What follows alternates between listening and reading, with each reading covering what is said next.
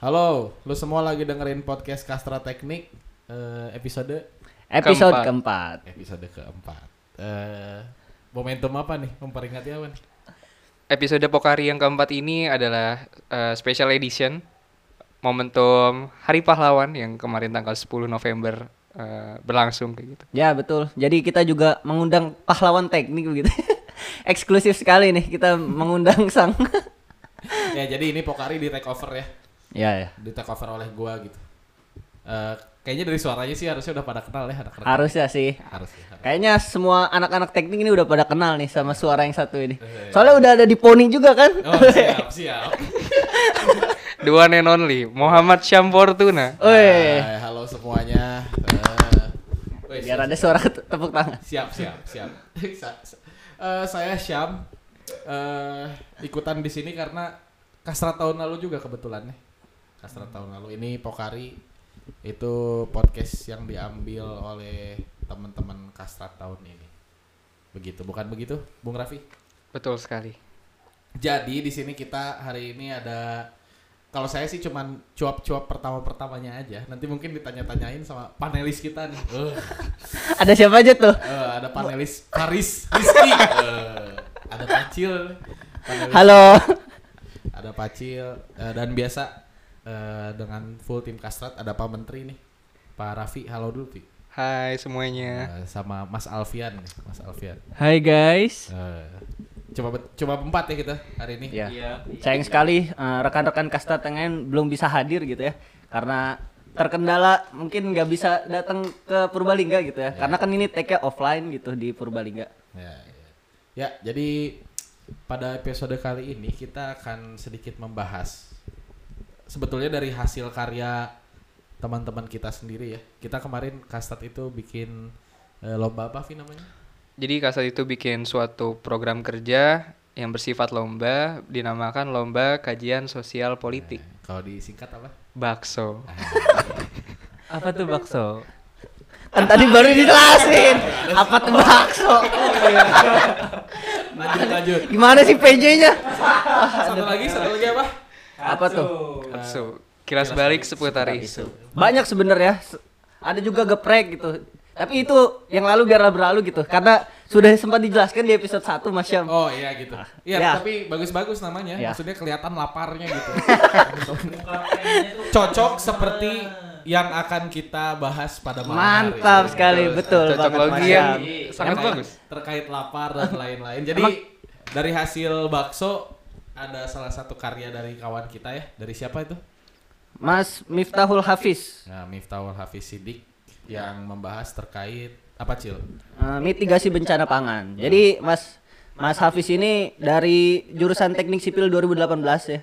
Eh, buat teman-teman yang belum tahu, eh, hasil eh, beliau juga merupakan salah satu pemenang gitu, juara lah. Jadi sebenarnya ada tiga gitu yang juara di lomba kajian sosial politik. Namun kami hanya mampu gitu me- membahas salah satunya saja sang pemenang, the one and only.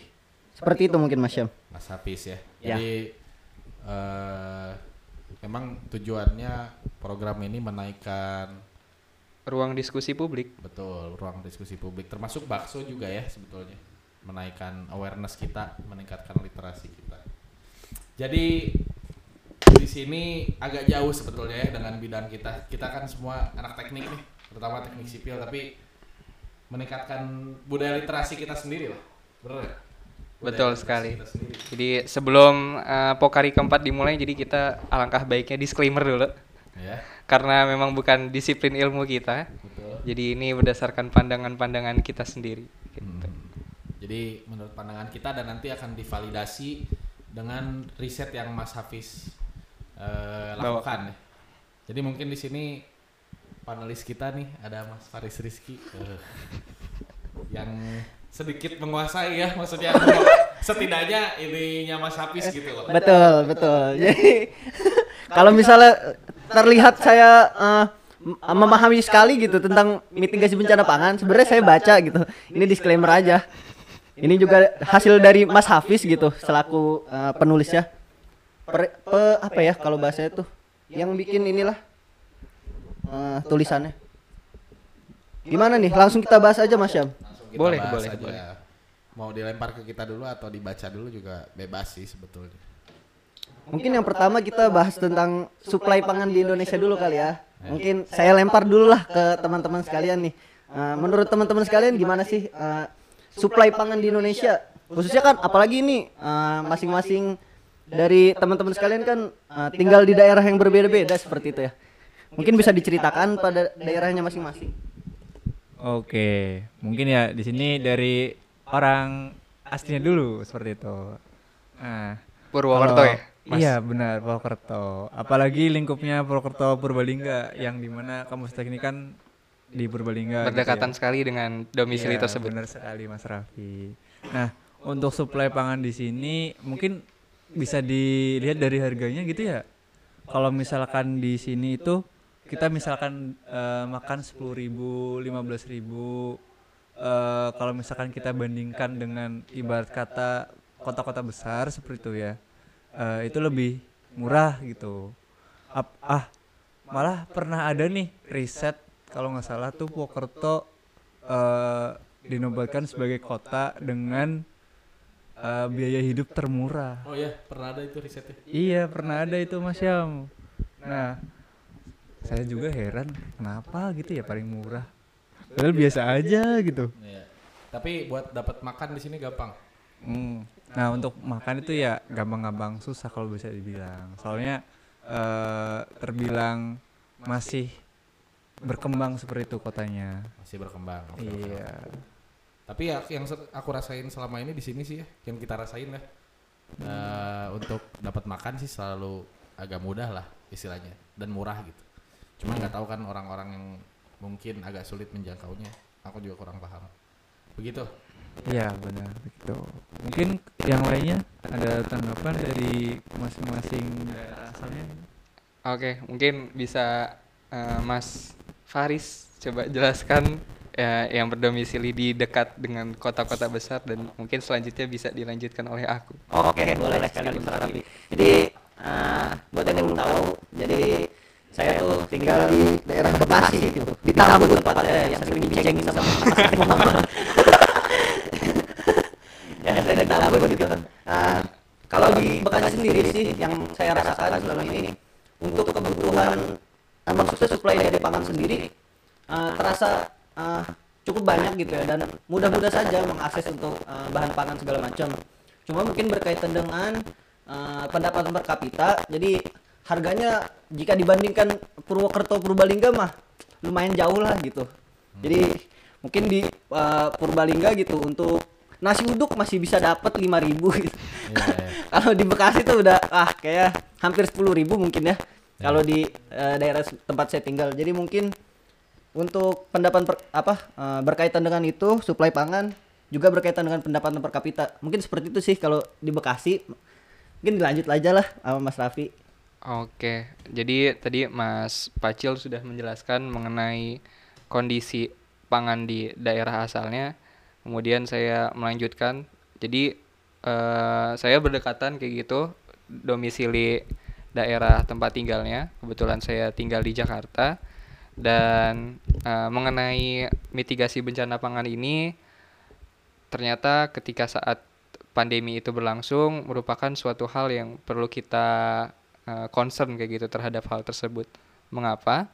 Karena oh ya sebelumnya mengenai kondisi pangan yang ada di Jakarta kurang lebih hampir sama dengan apa yang dialami teman-teman yang berada di daerah Bekasi karena Jakarta merupakan eh, ibu kota suatu negara yaitu Indonesia.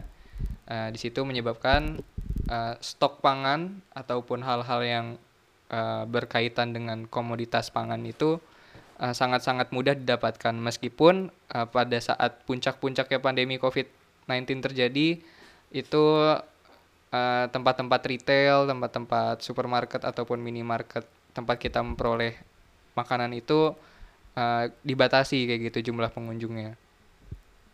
Nah, kemudian eh, ada satu hal yang mungkin bisa kita bahas mengenai mitigasi bencana pangan ini. Jadi eh, di sini di dalam kajian yang Mas Hafiz eh, sampaikan, jadi seperti yang kita ketahui, salah satu dampak akibat adanya pandemi COVID-19 yang sangat terasa selain pada sektor kesehatan adalah dampak terhadap sektor pangan. Menimbang posisi Indonesia yang tercatat pada hasil riset oleh Concern Worldwide dan Welltoner Life, Indonesia ini ternyata masih termasuk ke dalam salah satu negara yang mendapat kategori waspada. Waspada terhadap apa? Jadi Indonesia termasuk ke dalam waspada dalam ukuran Global Hunger Index atau yang biasa disingkat GHI dengan skor indeks 20,1 pada tahun 2019. Uh, dengan indeks seperti itu menempatkan Indonesia ternyata di peringkat 70 dari 117 negara yang termasuk ke dalam riset tersebut. Nah, berdasarkan data tersebut nih, data yang sudah saya sampaikan ini, jadi pengen minta pandangan teman-teman nih mengenai uh, pangan jadi menurut kalian semua, faktor apa sih yang membuat Indonesia ini menjadi salah satu negara yang termasuk ke dalam sektor pangan dan kekurangan gizi yang diwaspadai kayak gitu? Iya, iya. Aku sih sebenarnya rada aneh sih ya. Kita ada di uh, indeks yang paling besar global hunger. Anjay, global hunger betul kan? Itu global, global hunger, hunger index. Hunger index. Misalnya indeks kelaparan gitu. Kalau kalau kita lihat ya, ya pangan itu kan kalau misalkan nggak nabati hewani betul kan betul. Uh, sedangkan untuk nabati dan hewani sendiri biasanya yang hewani terutama binatang ternak. Sapi kambing gitu ayam kan. ayam. Babi dan lain sebagainya seperti itu kan. Iya betul. Nah maksudnya untuk hewan ternak dan lain-lain kan butuh tempat untuk hidup butuh lahan lah istilahnya. Kalau kita lihat kan di Indonesia memang lahannya masih cukup luas loh dan hijau setiap saat gitu. Hmm. tidak terpengaruh oleh cuaca dan lain-lain uh, seharusnya bisa dimanfaatkan dengan baik terkait lahan ini tapi mungkin ya kalau misalkan aku harus berpendapat uh, aku mau nanya dulu nih sama Pacil sama Raffi di Bekasi ataupun Jakarta ya maksudnya kan harganya mahal mm -mm. itu semua orang bisa dapat gak gitu dengan harga segitu atau memang ada orang-orang yang struggle gitu yang struggle untuk mendapatkan makanan dengan harga segitu gitu. Artinya mereka tidak punya kemampuan finansial yang cukup gitu. Kira-kira gimana? Oke, jadi mungkin kalau dari pandangan aku sendiri mengenai kota Jakarta eh, kondisi pangan yang di mana apakah itu membuat eh, pangan itu dapat diakses oleh semua penduduk ataupun ada yang sebagian struggle. Jadi menurutku karena Jakarta itu merupakan suatu kota yang menarik perhatian orang banyak, hmm. dan ternyata uh, membuat arus mobilisasi yang tinggi. Jadi dari masyarakatnya sendiri ini mereka uh, seakan sudah siap kayak gitu dengan kondisi yang ada di Jakarta, termasuk hmm. sektor pangan.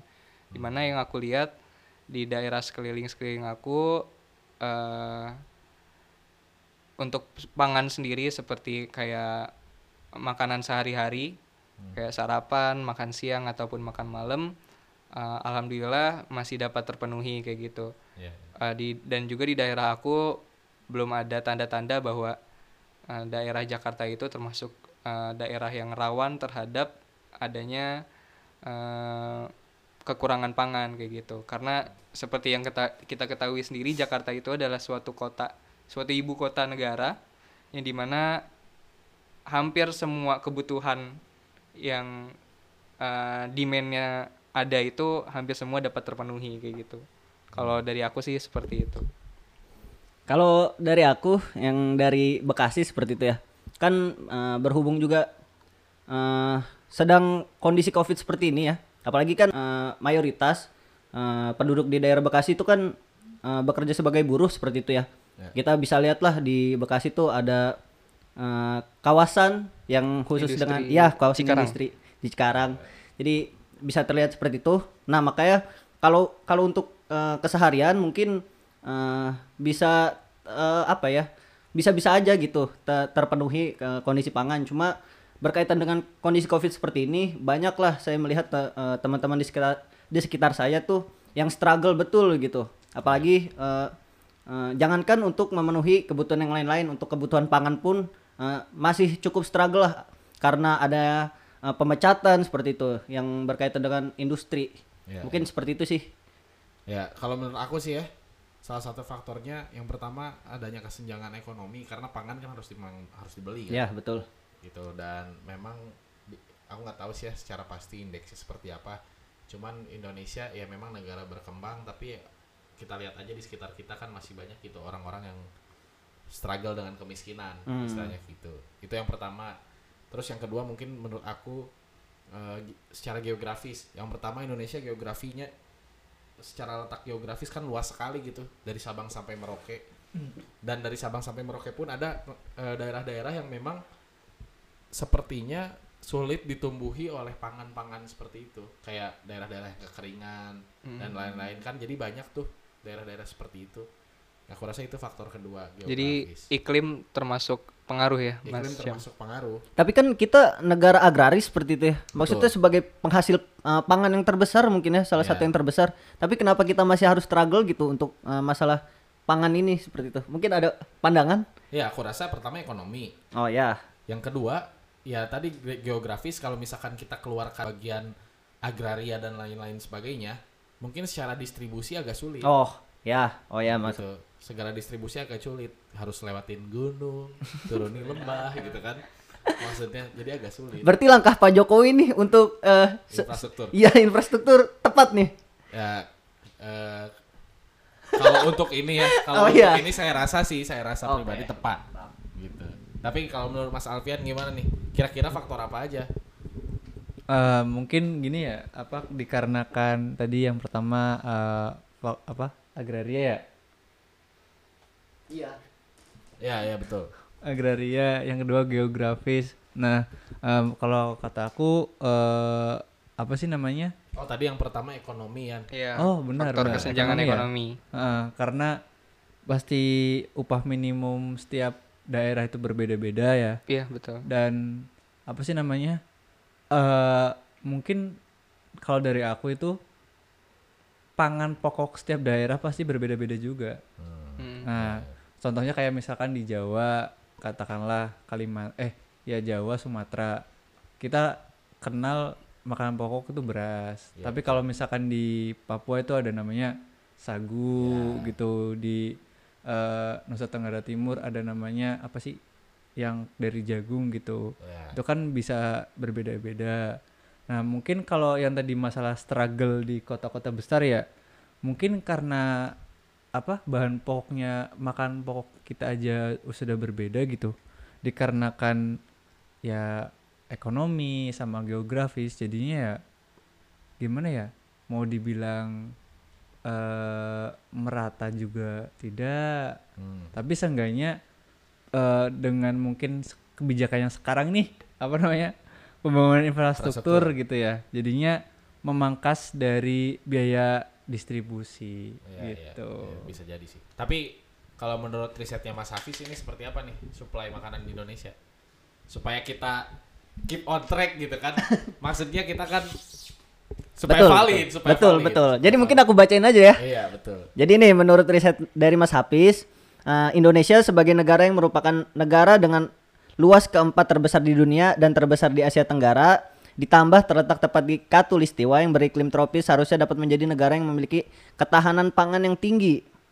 Nah terus, eh, namun dari data Badan Ketahanan Pangan Kementerian Pertanian pada tahun 2018 menyebutkan bahwa Indonesia masih memiliki 81 kabupaten dari total 416 kabupaten di Indonesia masih rentan pangan dan menyebutkan bahwa kabupaten-kabupaten tersebut masih bergantung terhadap suplai bahan pangan dari daerah atau negara lain guna memenuhi kebutuhan pangan penduduknya. Jadi sekitar 19,5% kabupaten di Indonesia masih belum terjamin kondisi pangannya. Ya, berarti dia masih istilahnya belum bisa berdiri sendiri lah ya. Iya, bergantung betul. kepada yang lain. Ah.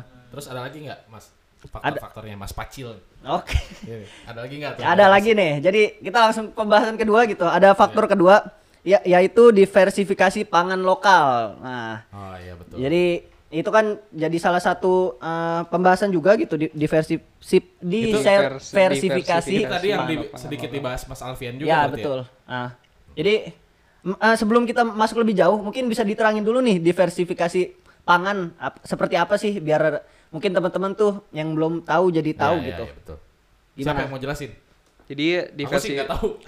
Raffi, Raffi. Oke, boleh. Jadi diversi pangan lokal itu merupakan salah satu upaya yang dilakukan untuk menanggulangi permasalahan krisis pangan yang ada dengan cara masyarakat tidak hanya bergantung pada satu jenis seperti yang kita ketahui setiap berbeda setiap daerah itu mempunyai ciri khas masing-masing termasuk Iya. pangannya Berarti biar nggak monopoli lah ya Iya, istilahnya. ya. Jadi nggak cuma satu. tidak hanya satu bahan baku saja Iya, betul, yang bisa didapat oleh masyarakat tapi di sini dengan adanya diversifikasi diusahakan ada berbagai macam eh, berbagai macam bahan baku yang mungkin bisa masyarakat olah untuk menjadi pangan contohnya seperti sagu jagung ataupun juga kedelai kayak gitu Hmm.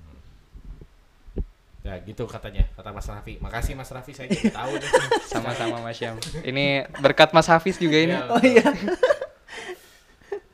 Terus eh, mungkin Mas Alpian mau ngasih pandangan lagi tadi melanjutkan yang tadi terkait diversifikasi pangan lokal. Tentunya diversifikasi pangan lokal itu berkaitan juga dengan ketahanan pangan dalam kondisi krisis. Mungkin Mas Alfian bisa coba jelaskan terkait hal tersebut yang ada di poin C. Oh iya. Nah, di dari sini ya melanjutkan data validasi seperti itu di, dari poin C.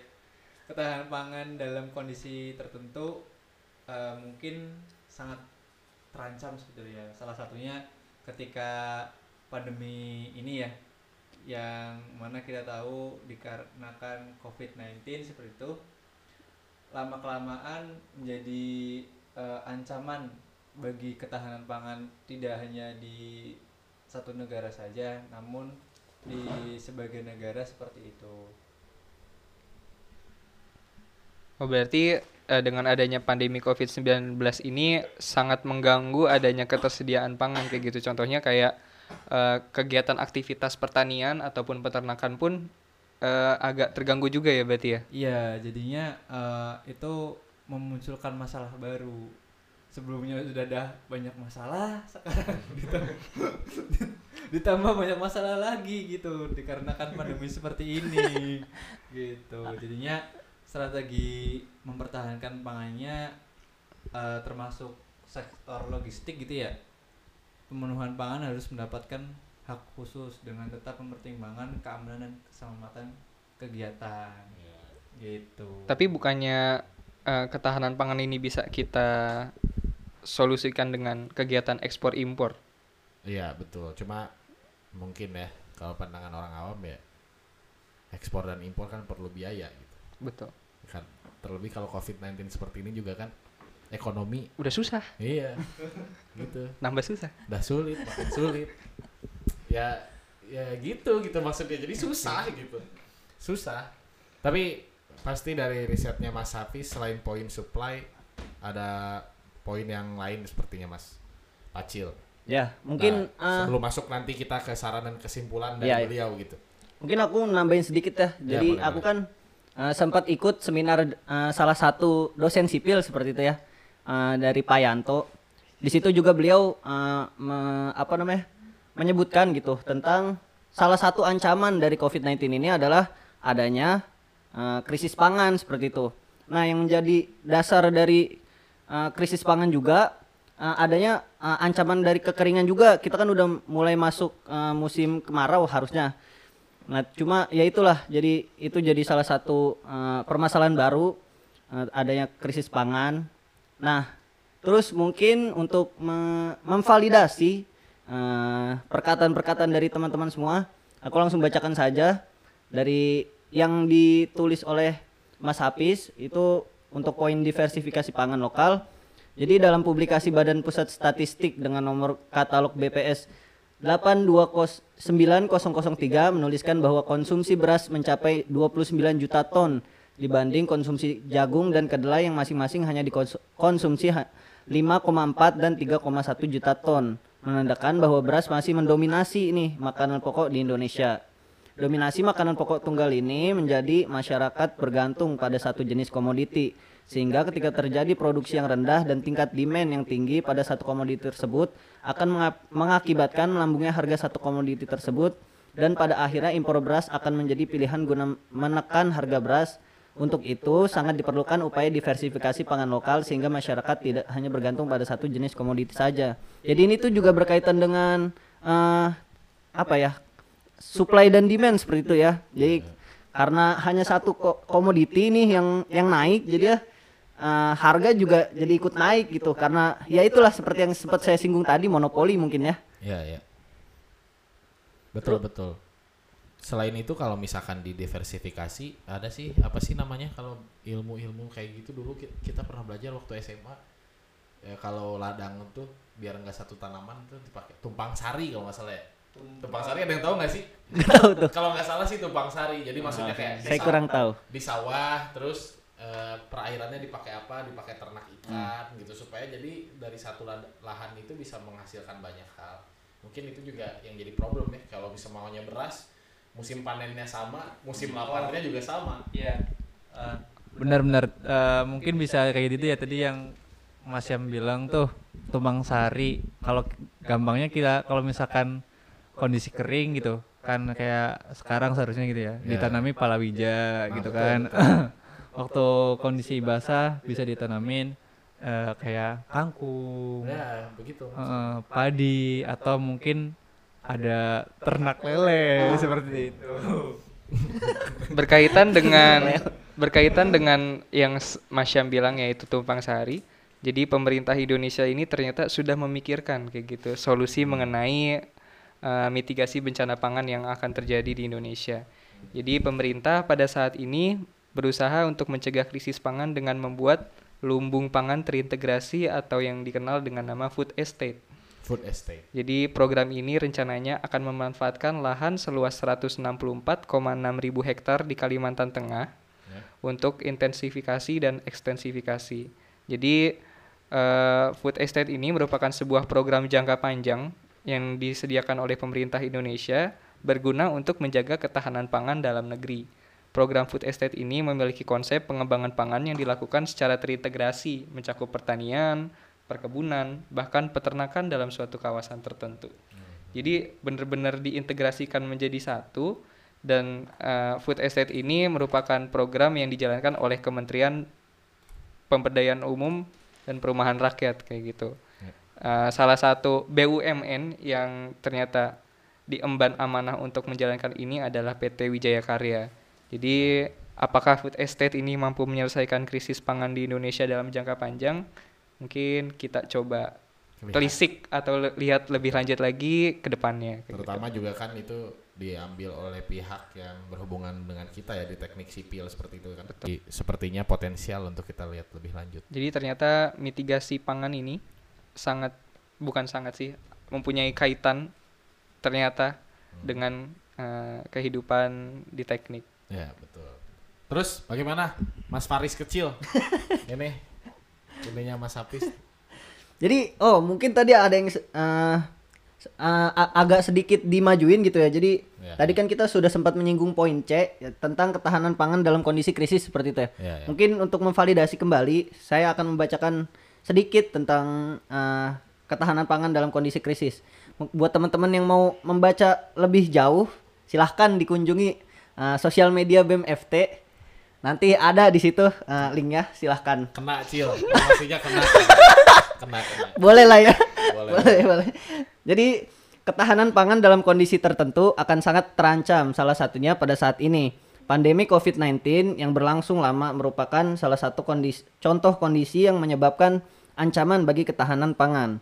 Bah- bahkan menurut FAO atau Food and Agriculture Organization, pandemi COVID-19 ini bisa berdampak pada krisis pangan dunia. Bila krisis pangan terjadi di sebagian pelosok dunia, maka akan sulit melakukan kegiatan ekspor impor guna memenuhi kebutuhan untuk suatu negara. Hal ini harus digarisbawahi agar suatu negara mempersiapkan prediksi terburuk dengan melakukan berbagai upaya dalam meningkatkan produk produksi pangan lokal. Ya, Seperti itu. Gitu. Ada poin-poin yang lain nggak, Mas Faris, yang kira-kira kita bisa bahas? Sebenarnya kalau dari Mas Hafiz sendiri uh, membahas tiga poin itu ya, uh, mungkin ada sumber lain atau dari teman-teman mau menambahkan poin lain seperti itu yang bisa kita diskusikan. Uh, kalau dari Mas Hafiz sih cuma tiga poin itu. Ada nggak dari Raffi? Kalau- Sebelum kita masuk nanti kalau misalnya nggak ada ya udah Iya. tinggal kita baca aja saran dan kesimpulan dari Mas Hafiz gitu. Kalau dari aku mungkin punya pemikiran dengan eh, mitigasi bencana pangan ini eh, mempunyai kaitan erat dengan permasalahan gizi yang ada di Indonesia kayak gitu di mana eh, Indonesia sendiri mempunyai salah satu problem gizi yang menyebabkan jumlah bayi yang ada di Indonesia itu dek- terkena yang namanya stunting kayak gitu teman-teman. Ya. Nah, eh, kemudian ada beberapa penyakit-penyakit lain yang berkaitan dengan gizi, yaitu seperti kurang energi dan protein atau yang biasa disingkat KEP. Kemudian ada anemia gizi, terus juga kekurangan vitamin A, obesitas, eh, dan juga kesenjangan status kesehatan dan gizi masyarakat antar wilayah dan antar tingkat sosial ekonomi masih lebar. Jadi mungkin mengapa terjadinya permasalahan gizi tersebut juga berkaitan juga dengan hal hal-hal lain seperti akses terhadap eh, pusat kesehatan yang ada di lokasi masyarakat tersebut kayak gitu yang Sama di suplai pangan juga tadi ya Iya. kita bahas ya. Eh, salah satu sa- salah satu faktornya kan tadi sudah dibahas ya suplai pangan dan ini aku coba Ya. membawa perspektif baru bahwa ternyata masalah gizi yang di Indonesia ini ternyata berakibat juga karena eh, terbatasnya akses terhadap pusat kesehatan di mana masyarakat ini sebenarnya dapat terhindar dari penyakit-penyakit tersebut jikalau eh, pusat akses eh pusat pelayanan kesehatan tersebut dapat dijangkau dengan mudah kayak gitu. Ya, ya. Ya, eh, terutama di Banyumas ya.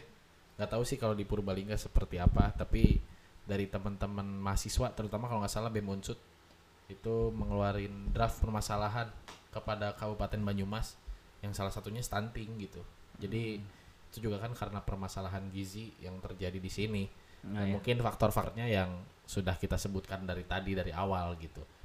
Eh, jadi aku rasa sih meskipun kita agak jauh dari bidang ini ya, dari bidang pergizian, pangan dan lain-lain, tapi maksudnya kita juga harus aware terkait permasalahan ini bahwa ini tuh ada loh dan dekat gitu dengan kita. Ya betul banget. Mungkin uh, sebenarnya dari pemerintah sendiri kan telah uh, mencoba untuk memudahkan akses seperti itu ya. Uh, mungkin dengan bantuan berupa BPJS untuk bantuan kesehatannya.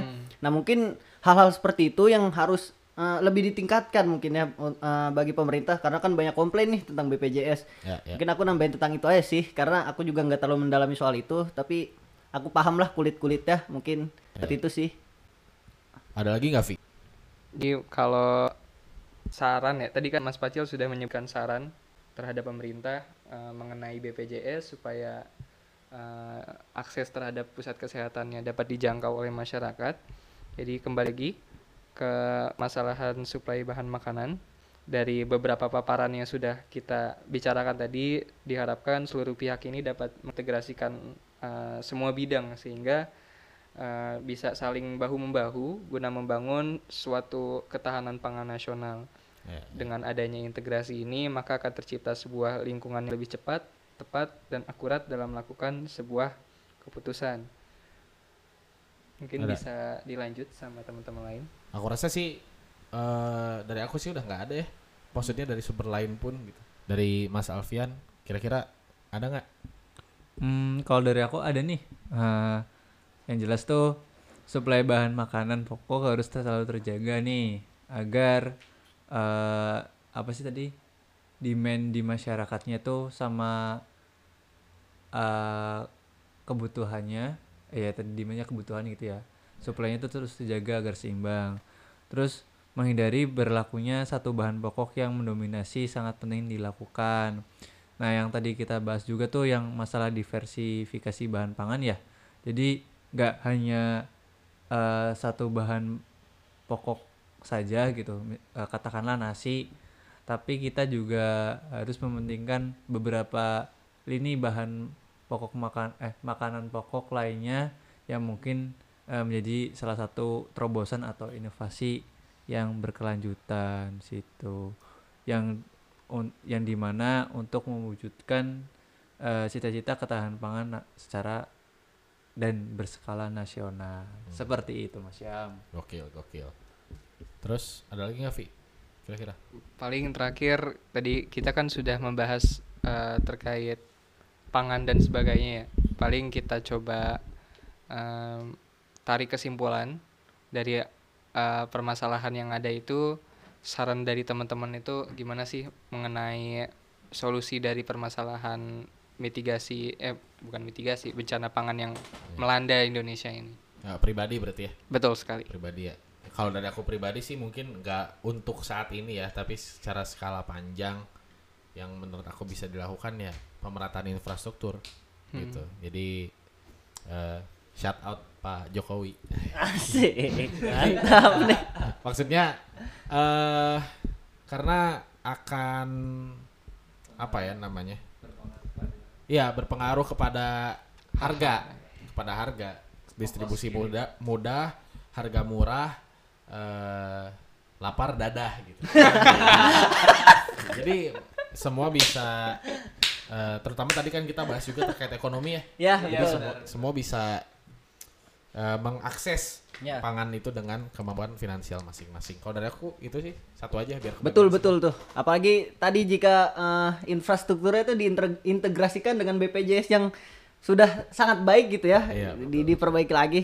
Nah, kalau dari aku sendiri sih, aku mau nambahin, eh, aku sebenarnya setuju banget sama poin yang dis- diversifikasi pangan, karena yang aku ikuti pas seminar sama eh, salah satu dosen teknik sipil juga, nah itu me- apa ya?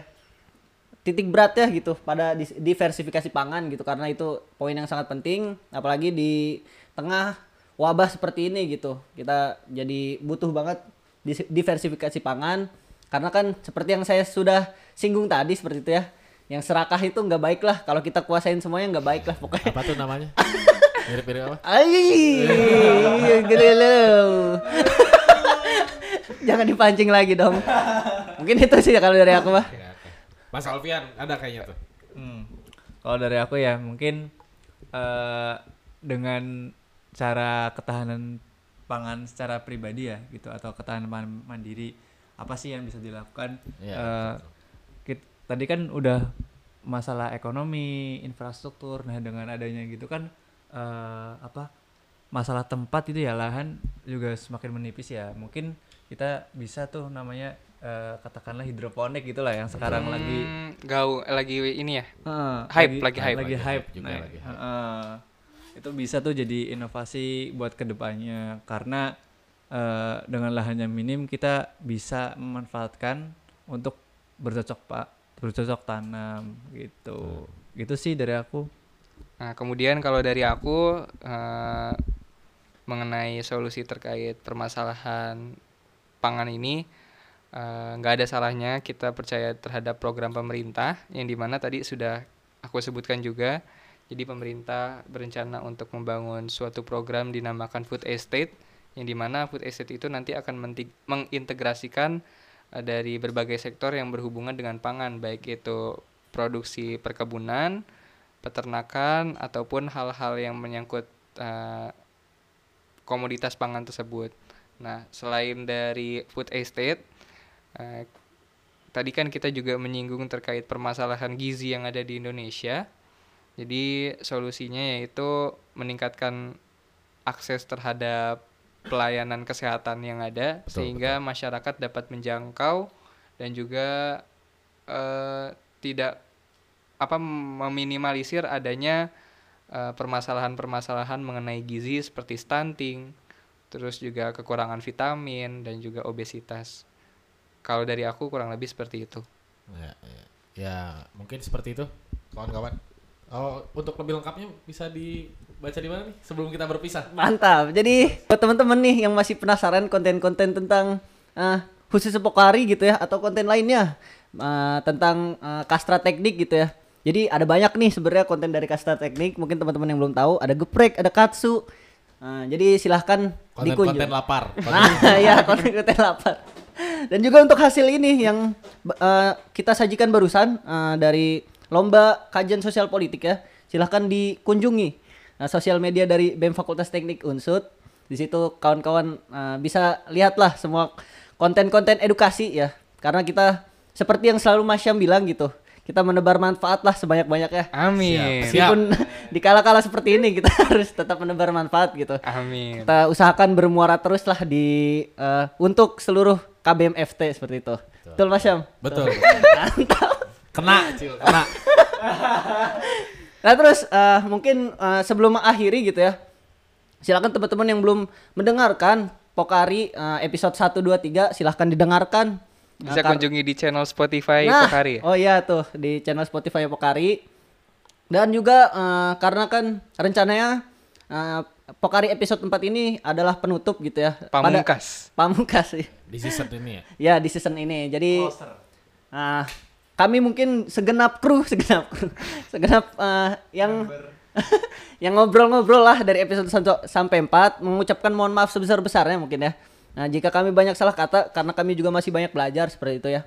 Nah, terus juga mungkin eh, tahun tahun depan bakal ada lagi nih Pokari di season selanjutnya. Amin. Amin, amin ya. Harapannya eh, Pokari tahun ini jika pengen diadakan pada kementerian periode selanjutnya itu menjadi tolak ukur Hmm, betul. eh, dalam pelaksanaannya. Jadi kalau misalnya ada kekurangan menjadi evaluasi, terus juga kalau ada kelebihan bisa dijadikan eh, pembelajaran kayak gitu. Oke, betul banget. Gimana Mas Alfian? Apakah kita perlu melanjutkan? Langsung. Jadi ya terima kasih teman-teman yang selalu mendengarkan gitu atau baru mendengarkan terima kasih juga. Eh, eh, sampaikan salam kami lah kepada keluarga di rumah. Sampaikan. Salam perjuangan. Ya salam berdoa. Mantap. Pam- pamit nih berarti kita. Ya Iya, pamit. pamit. Sampai sampai jumpa di season selanjutnya lah. Eh, saya bersama rekan-rekan siapa sih? Saya, dia. Facil. Faris kecil. Saya Muhammad Rafi Hidayat. Saya Muhammad Alfian. Berserta eh, seluruh ka- staf kastrat yang belum bisa hadir. Pamit. Undur diri. Undur diri. Dadah. Dadah kawan-kawan.